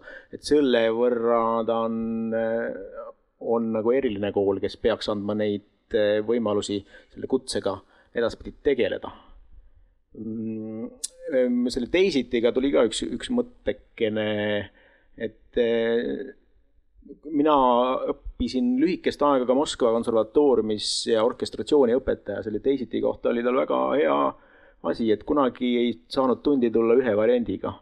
ehk siis selle kõige, et alati sa pidid tegema tegelikult vähemalt kaks varianti. Et üldse teisitini jõuda, et selle mõtteni jõuda, et me võib-olla kipume väga, ise ka võib-olla ajapuuduses kipume väga mõtlema, et mõtleme ühe lahenduse, see ongi okei okay,, küllap on ka väga hea lahendus. aga siis see nägi välja nii, et sa tegid ühe kindla peale variandi, mis üldiselt on klassikaline, mis ei ole teisiti ja siis tingimata just teed selle teisiti variandi ja tõenäoliselt teed ka veel kolmanda ja neljanda, mis on siis lõpuks see õige see on väga hea, mis sa välja tõid, sest et tegelikult ma arvan, et me peaksimegi liikuma sooritus- ainepõhisest äh, mõttemaailmast eksperimenteerimise, leiutamise ja katsetamise põhiseks ja sellised ülesanded koolisüsteemis on kuld. Inger? ma arvan, et äh, Muba on kindlasti üks kool, mis on selline nagu noh, võib-olla paistab silma sellisena, kus sa saad seda huviharidust. aga, aga ma siiski, ma arvan, et on veel neid koole ja ma arvan, et äh, päris paljud koolid hakkavad sinnapoole vaikselt minema, ma saan sama hästi öelda, et Tallinna kolmekümne teine keskkool, kus ma oma gümnaasiumi Äh, veetsin ja õppisin, on üks äh, samamoodi üks väga erilisi koole, sest sealt tulevad äh, väga, väga ägedate erialadega inimesed, kes on näitleja, kes on, kes korraldab sündmusi, üritusi, et et tegelikult ma arvan, et need koolid vaikselt hakkavad sinnapoole minema, sest nagu siin enne oli juttu ka, et, et siin tuleb kogu aeg ka selline uuem generatsioon peale, uued mõtted, ideed, kuidas läheneda, ma arvan, et see on just äh, hea viis, kuidas rikastada seda meiega huviharidust äh, kuna juba peaaegu tund on läinud, siis tahakski, ma vaatan, et on küsimusi publiku seast ka, et järjest siis äh, küsida. nii, esimesena siis siit eestpoolt. no võib-olla pigem nagu selline väikene provokatiivne olukorra selline fikseerimine, et mingis mõttes me ja aeg-ajalt ikkagi jälle põrkume kokku selle, selle teemaga, et kui äh, õpilane ei jõua ikkagi tavakoolis hästi edasi, siis me saame äh, teada, et noh, et jätta siis see huviharidus ära, et, et ta ei jõudnud nagu kõiki neid asju tehtud. Ja ma olen nagu ise küsinud, et mis sellest lapsest siis nagu järgi jääb, kui me võtame ära selle, mis teda nagu huvitab ja panna nagu teda veel rohkem seda, mida teda, mis teda ei huvita, mille jaoks tal on nagu väga raske, et kuidas seda mõtteviisi ikkagi nagu suuta muuta selles üldhariduskoolis niimoodi, et see huviharidus on ülimalt oluline selle lapse jaoks ja et see, et see üldhariduskool peab ar arvestama selle õpilase päevapikkusega. et aeg-ajalt ma nagu mõtlen selle peale, kui me meil käis, ma olen Kose huvikoolist, et käis Terviseamet meil ja küsis, et oi, kui palju te nagu päevas tööd teete ja kas, kui te ikkagi teete mingi teatud arv tunde, et te puhkate ja ületunni ei tohi teha, siis ma vaatan seda õpilase tööpäeva, kes on tegelikult puberteedis, kellel on peale selle kasvamise ja kõige muuga probleeme, siis tema tööpäev, ma saan aru, et õpilased tihtipeale olen oma huvikoolis küsinud, tõusevad kella viiest, kuuest, et õppida mingeid asju ära, sest ta on tavakool, siis tuleb huvikool, nad jõuavad huvikoolist nii hilja äh, koju ja samas nad ei raatsi seda huvikooli ära, et siis huvitab see on kuritegelik, mis me noortega teeme selles, sellest nagu, küljest. see on nagu, me tegelikult ise teeme nad haigeks või et noh, et võib-olla siis teine asi veel, et sellest teistmoodi õppimise koha pealt, et et mul on jäänud väga hästi meelde äh, ühest ettekannest äh, Bernova direktor Kaire Metsin tõi välja, et, et võib-olla see, kuidas saada nagu see tavakool huvitavamaks, võiks nagu huvikooli tuua nii-öelda näidisena, et me teame, missugused on meie eesmärgid aasta lõikes ja viie aasta lõikes, ma räägin Kosse Rundkoolist, et meil puuduvad õpikud selle jaoks, aga meil on eesmärgid, et see, et äh, tavakoolis on olemas töövihikud ja õpikud, see mingis mõttes paneb selle õpetaja juba sellesse raamidesse, et ta läheb äh, selles mugavustsoonis ainult oma töövihikute ja õpikutega, ta unustab nagu ära need üldised eesmärgid, et mu enda laps, kes Gustav Adolfis õppis, see oli füüsikaõpetaja, kellega saavutati tohutult häid tulemusi ka olümpiaadidel. et äh, selle, ta ütles, et ta ei kasuta mitte kunagi tööviikut ja õpikut, et kui me saaks nagu üldhariduskooli viia ka selle mõtteviisi, et me kõik oleme oma eriala spetsialistid ja meil on eesmärk, kuhu lapsed jõuavad, siis tegelikult ei ole meil vaja nii-öelda neid etteantud tööviikuid ja õpikuid. ja on see loomingulisem protsess väga tore, Riin, nüüd äh, te, sina saad vastata, et kuidas Haridusministeeriumile sellised ideed tunduvad? Jaa, see on vägagi õppekava küsimus, kuidas me õppekava üles ehitame ka riiklikul tasandil, et äh, julgen praegu küll väita, et meil on üldharidusega, üldharidusosakonnaga siis ministeeriumis väga-väga head suhted ja meil on, me mõtleme väga ühtemoodi ja ka nende lahenduste poole, sest ma ütlen, ega noh, kõik saavad aru, et meil ei ole pääsu, need äh, formaalne, mitteformaal hakkavad käsikäes käima, et noh, meil ei, meil ei ole maksa nagu pead kuskile liiva alla peita ja ma ütlengi, et äh, üldharidus peab samamoodi meile sellega vastu tulema, et ei ole see, et üks pingutab ja teine nagu ei muutu üldse. et äh, see esimene on kindlasti hästi õppekava küsimus ja tõesti, et noh, vaadata, et äh, õppekava tuleb nagu pool välja visata, et sinna päriselt see huvihariduse osa nagu sisse mahuks. et sellega tuleb nagu tegeleda ja veel üks küsimus oli seal kübaraga eh, daamilt. ma olen proua Kübar. tere, Meeli Pärna, Eesti Tantsuväärtuse Liit, tantsukool Vahvet. kõigepealt repliik ja siis on küsimus muide. et äh, esimene küsimus äh, on tõdemus, et Eesti Vabariigis ei õpetagi keegi tantsuõpetajat mm. -hmm. teiseks äh,, Muba on imeline et, et valmis sai selline kool, et see on ainult niimoodi, sest ilmselgelt tänases seisus sellist, ühtegi sellist haridusasutust lähemal ajal enam ei ehita. me, me ka nutame kogu aeg. siis see, mis oli esimene seal eespool jutt, kui ma alles kõndisin Pärnu poolt siiapoole, et äh, see saavutuspõhine, tegelikult huvihariduses on ju erinevad tasemed, on ju see, see, see nii-öelda huvitegevus, kus keegi ei võistle millegagi tulevad kokku, mängivad palli, teevad kunsti, mis iganes. et loomulikult, need ongi kaks erinevat asja. kolmas on lapsevanem, meil oli just ähm, Tantsuühenduse Liidu suvekool ja siis kõik tantsuõpetajad koos avastasid, et teie kõige suurem takistus täna on lapsevanem. selleks, et lapsevanematele selgeks teha, et mis asi on tasemel huviharidus, mis on kvaliteetne huviharidus. ja teiselt poolt, me oleme täna ka sellises seisus, et me kohati peame lapsi kaitsma nende vanemate laps on haige, tulla ei taha, ema lükkab uksest sisse, ütleb muidu tast ei saa, ei mitte midagi. nii, aga küsimus tegelikult on see, et äh, ma sain aru, et vist ei ole seda äh, nii-öelda pandeemia ajal kadunud laste juttu olnud, et, et minu küsimus olekski, et äh, võib-olla igale ühele, kes tegeleb koolitamisega, et kui suur see protsent on neid lahkunud või nii-öelda kadunud lapsi, kas neid on palju, kas neid on vähe? ja siis Triinule ka ja ma korraks äh, natuke äh, siis äh, jah, kuna meil ei ole vist ringmikrofoni, kuigi algus pidi olema, aga siis ma ütleks, et küsimus oli siis sellest, et kui palju pandeemia mõjutanud huviharidustes laste osavõttu ja kui palju lapsed on siis nii-öelda kaotsi läinud. ja siis ettepanek, et võib-olla võiks selle huvihariduse lisaraha või mis iganes mooduli puhul kaaluda sellist eraldi nagu sätestatud, meie ise kutsume seda kadunud laste tagasitoomiseks.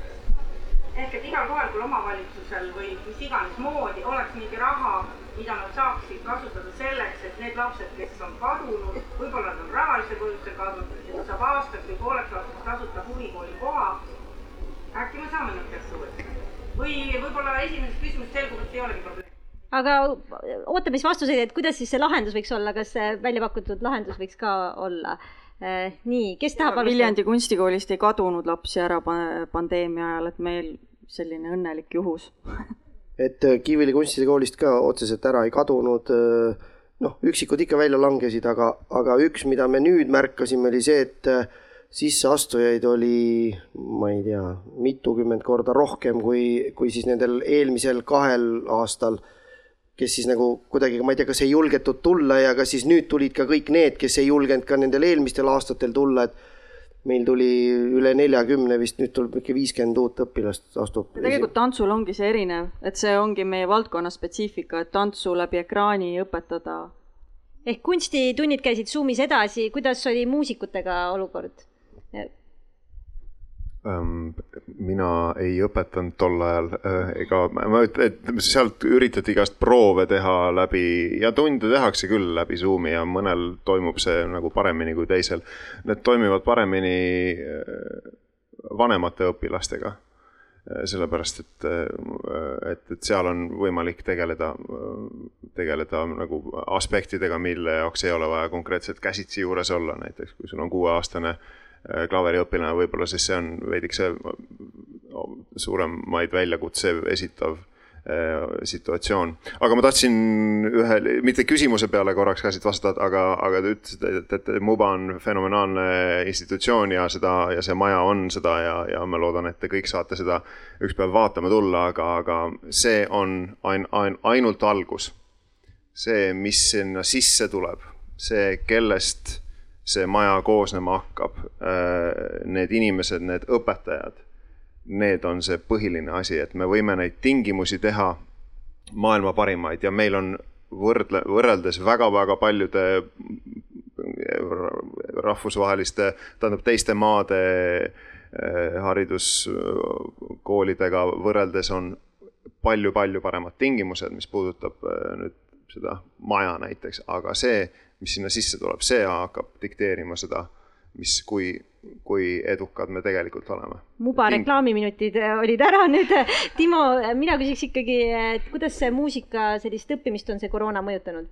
no viimane aasta ma küll ei ole nüüd äh, tegelenud konkreetselt äh, õpilaste muredega, sest ma tegelesin Muba avamise ettevalmistamisega, aga enne seda koroona ma mäletan, et see on muidugi keeruline muusikaõppes ja ka sellepärast, et on heli tekitavad asjad ja kodus mõnel ei ole ka tingimusi, et seda heli korralikult tekitada, kuigi sai pille ju jagatud ja keerulisi löökpille viidud Mustamäe korteritesse, kuhu iganes.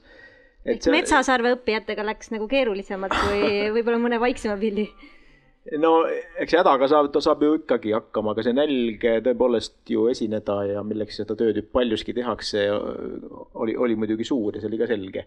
ja meie kõige naljakam, et meie, millesse me võib-olla uskusime, et meie internet on väga hea igal pool Eestis, sest selgus, et see sugugi mitte ei ole. et, et välja minna erinevates kohtades, ka Tallinnas erinevate punktide vahel, et tõesti mõned eh, raskused olid ka lihtsalt sellepärast, et eh, ei olnud arvutit võib-olla, mida tuli siis organiseerida ja, ja ka net oli kehv. mõnikord tuli ka mõelda, et kuidas see netiühendus sinna näiteks telefoniga viia või mis, mismoodi siis teha. Inger, kuidas sinu kogemus on sellest eh, koroonaga õpetamisest? kas jalgpallitreenid näiteks jätkusid või kuidas? jaa, oi, see oli väga põnev. Äh, saime? Zoomi teel teha äh, igast harjutusi. Ei, neil oli nagu tore, said WC paberit visata ja samal ajal panid WC paberitest endale torbikud nagu nii-öelda torbikud, said vahelt endale palliga seal joosta, et äh, põnev aeg oli ka raske, pean mainima, et äh, kui me lõpuks saime platsile Äh, eks seal mõned, äh, mõned kadunud nagu olid, aga, aga ma ei tea, see vist oleneb ka natukene sellest laste vanusest ja ka sellest, kuidas nad on üksteisega sõbrad. sest et äh, mis ma nagu aru saanud, et kui, kui lõpuks trennid peale hakkasid, siis ikkagi need nagu kadunud lapsed tulid ka trenni, sest et teine laps oli mingi, et kuule, trennid hakkasid, lähme nüüd et noh, ma ei tea, kas see on see lihtsalt see kaasamine, mis nagu neile seda tunnet tekitab, eh, miks nad siis lõpuks tagasi tulid, aga no mul on ainult hea meel, et nad tulid kuidas riigi vaatest, Riin, kas on mingi eh, selline statistika tehtud, et palju siis neid koroona ajal äh, huviharidus, ma ei tea, lapsepõhiselt ilmselt mitte, aga kas, kui palju näiteks huvihariduskoole kinni on läinud pärast seda? Äh, statistika näitab meile pigem vastupidist, et ei ole kinni läinud, pigem on tulnud koole juurde, aga just nimelt nagu siin juttu oli, et tegelikult lapsi läheb rohkem huvikoolidesse. mis on muidugi üks, äh, mina julgen öelda küll, võit ka meie valdkonnale ja mida me nüüd, mis on ka tänu minister, eelmisele ministrile Kersnale, et, et me saime hoida nii üldharidus ka kui ka siis nii-öelda noortevaldkonna tegevused lahti eelmise õppeaasta jooksul ja me kindlasti kavatseme ka sel aastal seda joont jätkata, et tõesti, et noored saavad ikkagi käia edasi, nii vähe, kui neil see võimalik on ja kui nad, kui nad terved püsivad, et, et me ei pane noore jaoks olulisi tegevusi enam kinni. aga nüüd ma viiks arutelu sinna, et võiks arutada, kui ah,, oli küsimus, nii, jaa. pandeemia teemal jätkates, erahuviala pool puudutas ikkagi kõige rohkem sest et kui majanduslik olukord perekondades sai kahjustatud, siis oli esimene valik võtta ära ikkagi erakoolidest oma õpilased, lapsed, sest et võrreldes õppemakse on erakoolide õppemaksud sageli palju kõrgemad. et oma kooli baasil võin öelda, et kadu oli sada kuus näed, üks näide siis, et ikkagi sada õpilast erahuvikoolis läks kaotsi, seal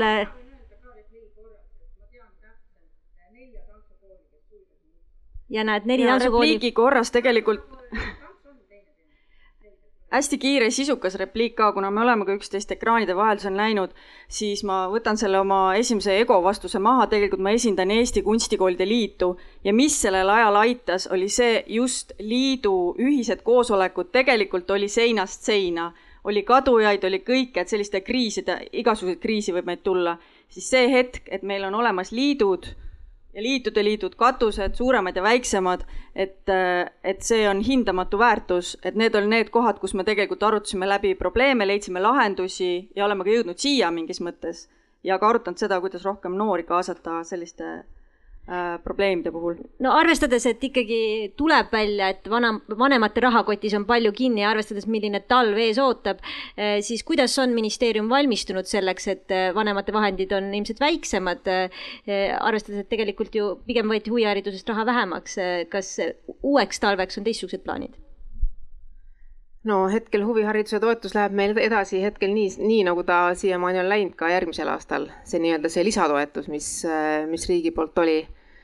me oleme ikkagi jätnud nii-öelda kohalike omavalitsustele piisavalt siis vabad käed kasutada nii-öelda kohaliku olude kitsaskohtade lahendamiseks, seda, et me ei lähe ette ütlema, et kuhu nad selle raha täpselt panema peavad. see on olnud selle sildiga, et see suurendada kättesaadavust, mitmekesisust ehk siis äh, selles mõttes oleme selles osas paindlik, et kui tõesti on vaja nagu muuta seda kättesaadavamaks ja ka noortele, siis, äh, siis tuleb sinna seekord ka nii-öelda rohkem seda raha panustada kuidas on äh, kuulda kohalike omavalitsuste poolt, et kas neil tegelikult jätkub vahendeid ikkagi toetada neid muusikakoole, igasuguseid koole ka või, või tegelikult neil on ka raha vähe, sest et energiahinnad tõusevad ja nad on tegelikult hädas? Nojah, raha on kogu aeg vähe, ega ma arvan, et mis, mis iga, iganes valdkonda me kohalikul tasandil vaatame, siis on see sotsiaal või haridus või, või, või, või midagi muud, et siis äh, igal pool tundub, et just neilt võetakse raha ära, kui on mingisugune kriisiolukord. aga mida ma kolleegidega, kolleegide käest äh, hiljuti kuulsin ja mida näitas ka Rahandusministeeriumi statistika, et tegelikult kohalikud omavalitsused on noortevaldkonda, pigem need investeeringud on tõusnud, nad on sinna raha rohkem pannud et seda näitavad meile selgelt nagu numbrid. et, et võib-olla see iga, iga indiviidi tunnetus on äh, võib-olla nagu erinev, aga, aga see on see, millel nagu ka meie, meie saame nii-öelda oma, oma tegevusi planeerida, aga loomulikult see ei tähenda seda, et me oma nii-öelda partneritega ja, ja strateegiliste partneritega ei suhtleks ja nende käest nii-öelda neid muresid ja, ja, ja küsimusi ja probleeme kokku ei koguks. aga ma tahaks ka öelda, et rõõme tegelikult. nii, üks küsimus veel sealt.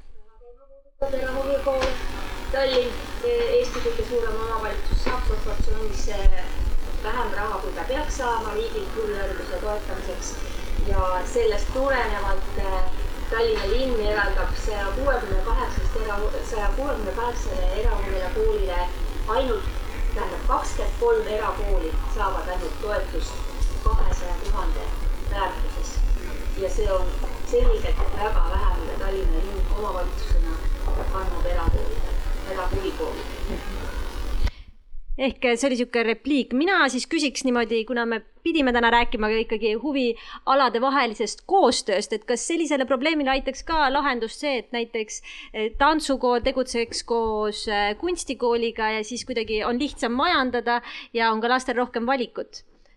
Või kuidas näiteks on teie kogemuses sellist koostööd rakendatud? Igasugune koostöö on hea, lihtsalt hakkame lõimima, ükskõik kuidas, sellest ei pea nii väga isegi pajatama, proovime, katsetame ja jagame oma kogemust. aga, aga selline filosoofiline vastus oleks see, et eh, mitte mingisugune tsentraliseeritud liitmine või lahutamine ei, ei ole selles valdkonnas vastus. Eh, vastus on pigem elurikkus et äh, on niisuguseid kooli, on muusika-kunstikoole, on puhtalt huvikoole, on robotikoole, on äh, tantsukoole, on, äh, et kuidas vastavalt sellele kohale ja nende noortele, kes seal parajasti õpivad, kuidas on see kõige parem lahendus, et ma ei poolda mitte mingisuguseid selliseid ühe vitsaga löömisi. Jaanus, kuidas läks teil nii, et on Kiviõli kunstide kool, kus saab igast erinevaid alasid õppida? sellele e-, eelnevale veel see, et see, et äh, huvikool, mis on, ütleme siis munitsipaal ja era, kui nad koostööd teevad, ega see era, erakooli finantsseisu muidugi ei paranda. noh, selles mõttes, kui koolipidajad on erinevad, kui koolipidaja on üks, siis, siis tõenäoliselt on nagu rahalises mõttes seda lihtsam teha või, või noh, aga koostöö mõttes muidugi on tore, kui erinevad valdkonnad teevad. Kiviõlis läks niimoodi, et seal oli kunagi muusikakool, üheksakümne esimesel aastal sattus sinna üks kunstiinimene, kes siis otsustas ka kunstiosakonna avada. siis, siis tast sai kunstide, Kiviõli kunstide kool mõned kunstiõpetajad leiti veel juurde, siis kui minust sai direktor, siis oli seal ainult muusika ja kunst. tänaseks on meil ka robootika ja siis need nii-öelda tehnikaosad on seal 3D printimine, lennumudelism ja, ja noh, sellised asjad veel. kas siis üks laps tegeleb mitme alaga või tegelevad kõik ainult ühe alaga või kuidas see välja näeb? meil on kõiki variante, et meil on lapsi, kes tegelevad ainult ühega, meil on lapsi, kes tegelevad seal kahega ja on ka neid, kes jah, praktiliselt igale poole ennast sokutavad ja tegelevad Inger enda näitel, kuidas oli üldse võimalik kahte ala, muusikat ja jalgpalli siduda, näiteks mina, kui käisin balletis, siis meile nagu väga ei soositud kõrvalalasid ja öeldi pigem, et, et muusikakoolis samal ajal ei tohiks käia, rääkimata jalgpallimängust. ma arvan, et asi on eh, sellises lemmikus asjas nagu aja planeerimine et äh, see on mulle päris palju õppetunde andnud elus, nii palju, kui ma siin olnud olen.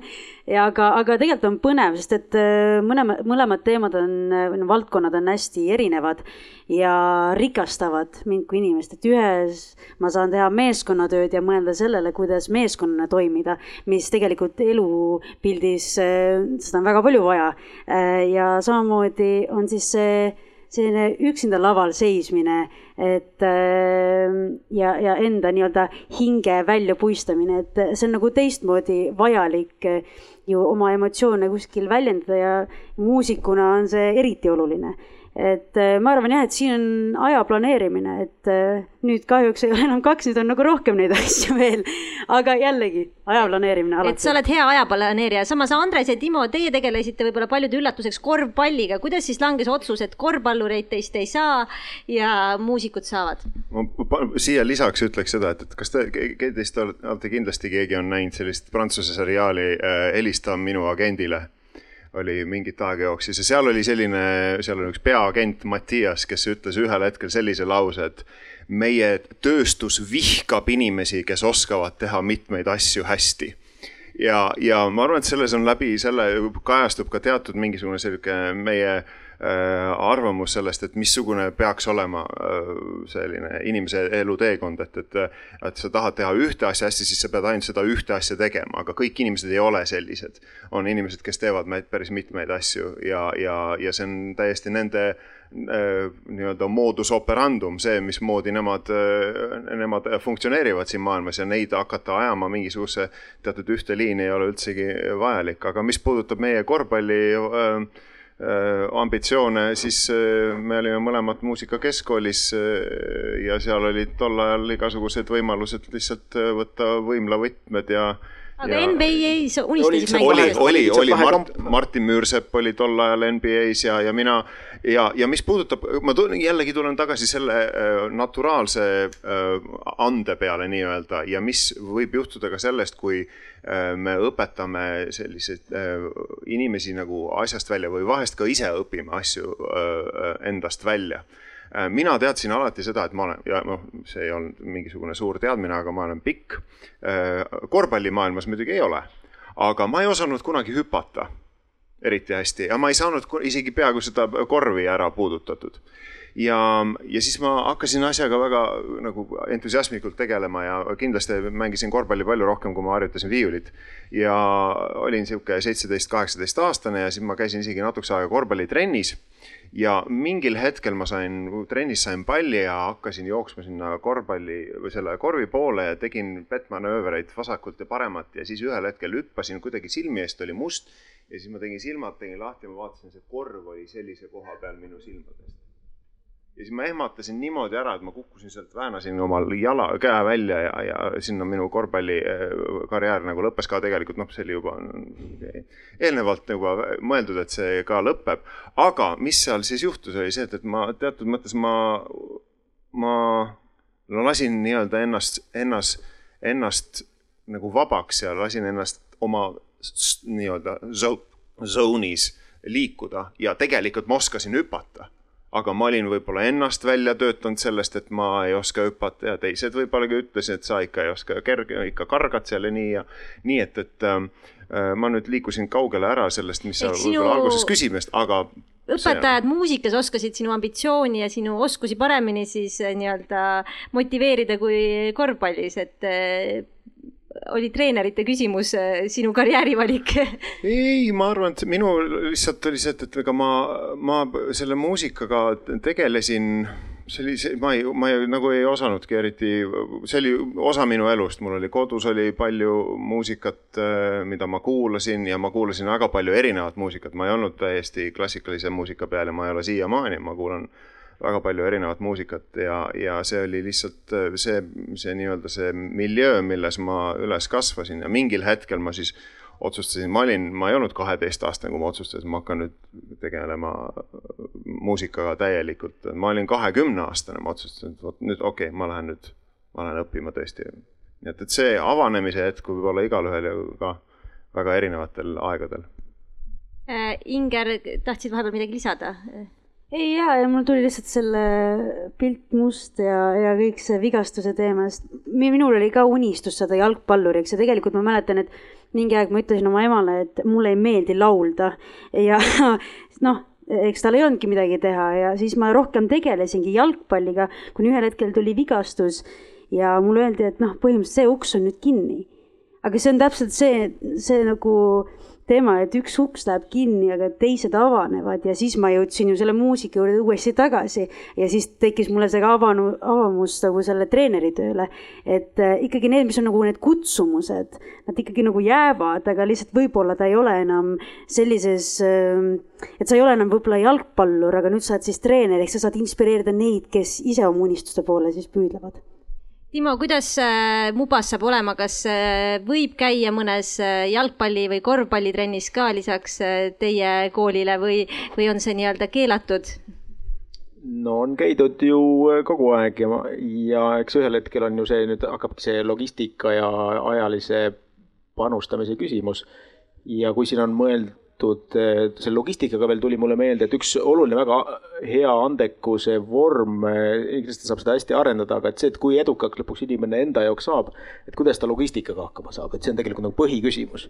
kui ta selle enda jaoks ära lahendab, siis on teed väga hästi lahti, et, et see eh, logistika moment kui see õnnestub ära lahendada, need on oskuslikult korraldatud, see ajakasutus ja et see teeb inimestele rõõmu, siis ja annab seda sobivat energiat ja vastu Äh, lööki sellele võib-olla teistsugusele tegevusele, nagu siin alguses me läksime sellest alternatiivist ja sellest teist keskkonnast, siis ma arvan, et see on kõik väga äge. mul oli endal ka selles mõttes, kui veel korra selle korvpalli juurde tagasi minna, et erinevalt interpreedi raskest elukutsest on mul heliloojal alati palju aega ju selles mõttes, et see põhimõtlemine käib ju kuidagi ikkagi teised, äh, teisel ajal ja ei ole ka seda punkti, et vot sellest hetkest sa saad äh, valmis või sellest hetkest pead olema kusagil maal et noh, kuuekümne aastaselt võib ka alustada heliloominguga, see on täitsa okei okay.. nii, üks küsimus oli publikust. mul on üks küsimus, üks äh, info ja üks ettepanek. küsimus on ikka sellest Liidot, me ei kasuta siin järgmist äh,. nii, mina olen selle ära unustanud, äh, pidin vaatama okay.. aa, nii, võtan selle kätte me kirjutasime ja enne seda üks infokild ka, et me siin reklaamisime Mubat, et tegelikult on olemas veel üks väga äge asutus nagu Viimsi kultuuri- ja hariduskeskus Artium, kus on kunstikool, teaduskool ja muusikakool. me oleme unustanud teaduse investorist üldse ära ehm,. aga see nii-öelda küsimus, aga selline ettepanek, et äkki igaüks võiks tuua välja nüüd selle mõtte, et äh, pealkirjas on haridus huviharidusega, aga me ajame siin kogu aeg segamini huviharidus ja huvitegevus et äh, kuigi seaduse silmis seal väga palju erinevusi sellest ei tooda, siis tegelikult on kaks väga-väga erinevat asja. et äh, väga eri, ees, erinevate eesmärkidega.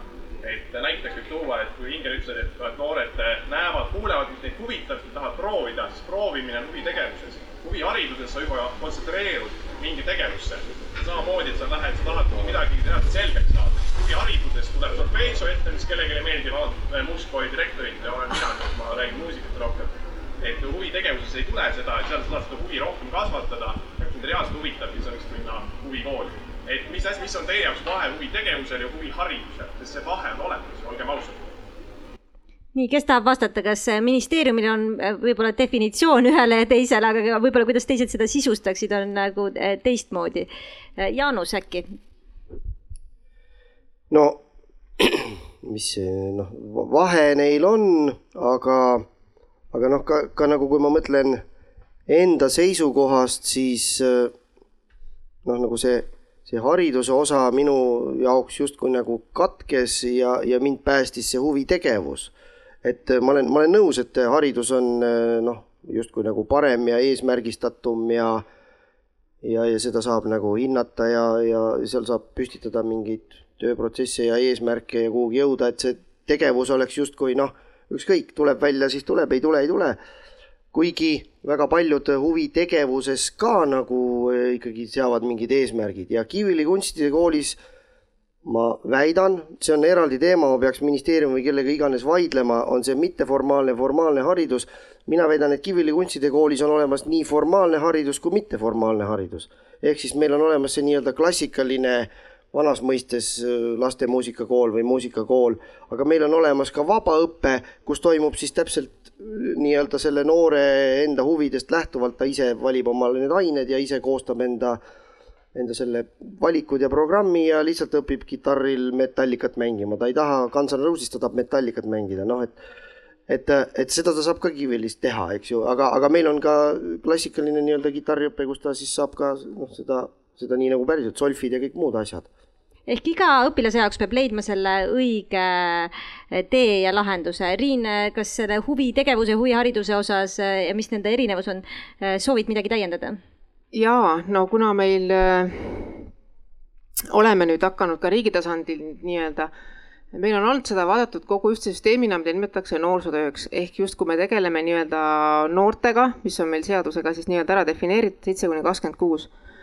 Aga kui me võtame selle pildi natuke, tõmbame laiemaks ja millega me oleme siis nii-öelda väga usinasti tegema hakanud, et meil on ikkagi noorsootöö ja huviharidus on nii-öelda kaks väga olulist nii-öelda üksteist täiendavat äh, paralleelmaailm kõlab võib-olla halvasti, aga siin, siin pigem nagu heas mõttes, et see, see noor saab nii-öelda oma see, et need, need vajadused rahuldatud siis tegelikult selles mõlemas valdkonnas, et, et kui me räägimegi sellisest noorsootööst ja meil ongi olnud see huvitegevus, et, et kas ta siis on selline, ongi, et kas, kui süsteemne ta on ja, ja, ja kuhu me ta siis liigitame lõpuks, et ega meil tegelikult need definitsioonid on, on nagu nii-öelda lõpuni defini-, defineerimata, et me tegelikult peaksime, oleme teinud ja, ja teeme ka edasi, et meil on nii-öelda huvihariduse valdkonna juht, kes on võtnud need asjad nii-öelda korralikult luubi alla ja meie partneritega neid asju ka sisustab, et ja et me jõuaksime nii-öelda valdkonnas ühisele arusaamisele, et millest me siis täpselt räägime. meil on need asjad sassis, ma tunnistan seda ausalt, et meil ei ole nii-öelda huvitegevusele kindlat definitsiooni aga kuna küsimusi on palju, siis ma liiguks edasi. Äh, on selline küsimus, et kuidas lahendada olukord, kui huvikoolis õpib noor, kellel tegelikult seda huvi selle asja vastu ei ole, näiteks lapsevanema survel. Äh, Laineli, mis sina teed? nunnutan teda.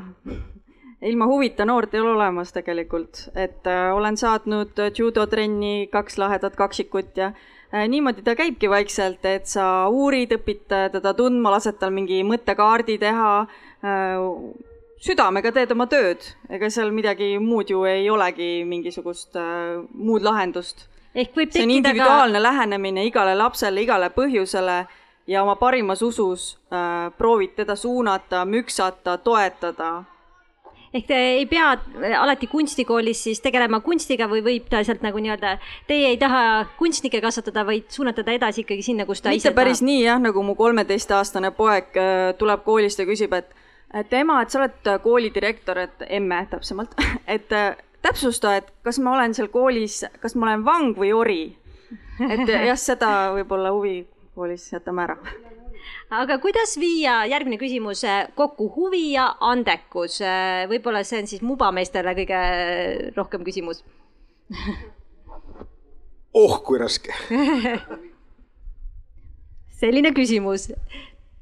Ühesõnaga, et kui on näiteks andekas mingis valdkonnas, toon enda näite, minu õde käis ka balletis, oli palju andekam kui mina, oleks võinud ilmselt saada baleriin. mina polnud üldse andekas, aga mulle nii meeldis ballett, et aga kuidas leida nagu üles, et, et no., et tekitada huvi nendes, kes on andekad. jah, selle andekuse definitsioonidega on ju ka hirmus häda, eks ole, et no võib-olla siis mingisugune eelsootumuse pakett midagi võib-olla sooritada. aga seal hakkab ju kohe peale see, et, et kes siis hakkab sellega midagi tegema, selle kingitusega, mis talle antud on ja kes temaga midagi tegema ei hakka et ega sel nüüd nii määravat tähtsust võib-olla ongi väga raske hinnata ja mõõta. pigem ikkagi eh, enda poolt panustada ja vaadata, mis teekonnad avanevad, sest sellega on ju see häda, et meil on ju selline tegelane nagu aju teatavasti. ja aju on harjunud nende tegevustega, mis meil ümber on, kui me anname talle uue käskluse, siis ta seda ju kohe ei oska lahendada, me peame talle andma aega, me ei teagi, kas ta lahendab selle meie eest või ta ei lahenda. Avaneb järgmine värav, lahendab, avaneb järgmine värav, lahendab, võib-olla järgmist ei lahenda Andres, on sinul mõtteid andekuse osas, et eh, kuidas neid andekaid motiveerida?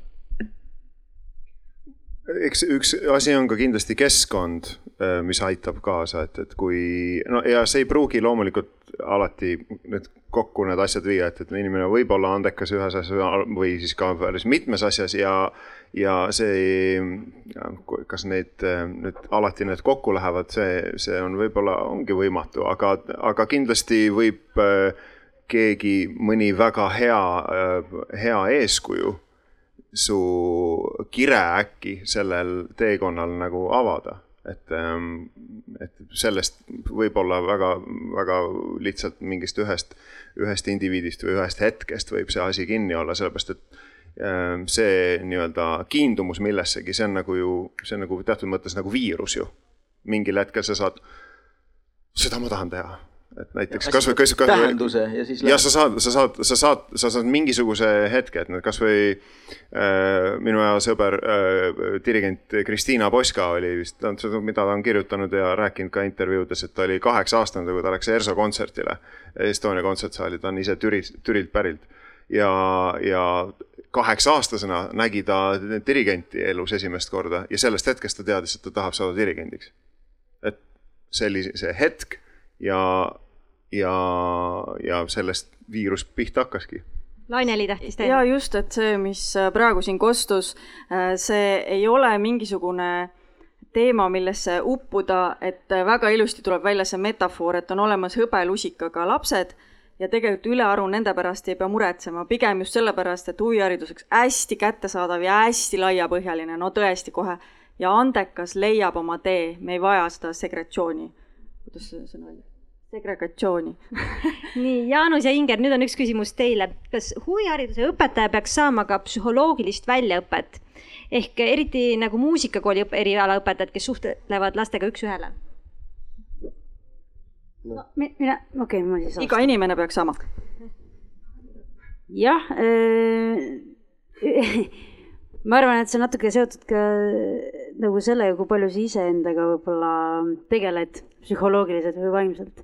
et äh, mul on olnud väga palju kogemusi noorena nii treenerite kui õpetajatega, et äh, kuidagi väga palju karjutakse õpilase peale ja olen ise seda kogenud äh,. ja see ei motiveeri üldse, see ei innusta, et ma arvan, et äh, et äh, paraku see on nii, et need inimesed on ise oma traumades või kuskil, et nad ei olegi tegelenud sellega, nad ei oskagi kuidagi selle noorega suhestuda ja temaga üks, üks ühes üks nagu rääkida ja teda aidata.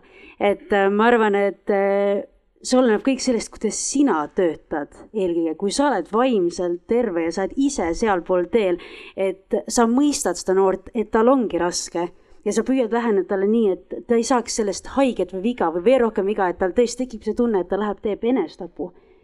et äh, ma arvan, et see kõik oleneb sellest, kuidas sa ise sellega tegeled sellele lisaks ma ütleks ka, et, et, et on, on kindlasti just sihukest üks-ühele õpetamismeetod äh,, formaadis, kus äh, vahest ka õpetajad äh, võtavad sellises olukorras endale võib-olla liiga palju vastutust, et meil puudub veel äh, piisavalt selline mm, laialdane arusaam, et on teatud hetkedest, mis, kus ei ole enam sinu nii-öelda haldusala kui õpetajana, et, et, et kui seal on tegemist tõesti noh, suitsiidse äh, situatsiooniga, siis see, mismoodi kolleeg käitus, on just see, et vot see on nüüd see ala, kust mina enam ei ole võimeline suuta ja see ei pea olema nüüd suitsiid, see on nagu väga, väga ekstreemne olukord juba et äh, on olukord, kus me, ma näen, et, äh, et siin on sul mingisugused äh, takistused, probleemid, mida mina sinuga ei saa nagu, ma ei saa sind aidata sinu näiteks viiulis või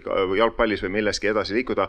et ma sooviksin, et sa läheksid ja räägiksid selle inimesega nendest asjadest, kes suudaks sind aidata, et, et see, see on jagatud vastutus ka. Jaanus. ei no vastus on jah, lühike vastus aga siin tekib veel natuke sellesama eelmise jutu peale, et äh, ma olen ka oma koolis õpetajatele öelnud, üks räägib, et me teeme siin laupäeval järeleaitamistunde ja pühapäeval ja koolivaheajad ja siis ma küsin, et aga miks, et kas see laps ka tahab või? ei, aga tal ei tule üldse välja. noh, aga no et sa tegelikult ju nii-öelda saed seda oksa ju, kus sa nagu istud, et, et noh, ilmselgelt ta ei tahagi enam tulla, mul üks õpilane tõi tõi lahkumisavalduse ja ütles, et ära õpetajale veel kolm nädalat ütle, et siis ma olen juba piisavalt kaugel see on kurb näide, aga no ikka elust enesest. aga kuna aeg hakkab otsa saama, siis ma ootakski kõigilt teilt eh, mõned eh, niisugused lühikesed laused, märksõnad, et millist huviharidust te tahaksite näha eh, kahekümne viie aasta pärast. Ja lähmegi siis järjest siit Ingeriga alustame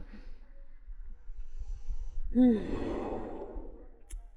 kindlasti rikastatud ja, ja avatud, et äh, inimesed päriselt äh, laseks välja see, see, mis neil sees on. ma arvan, see on kõige olulisem. Riin.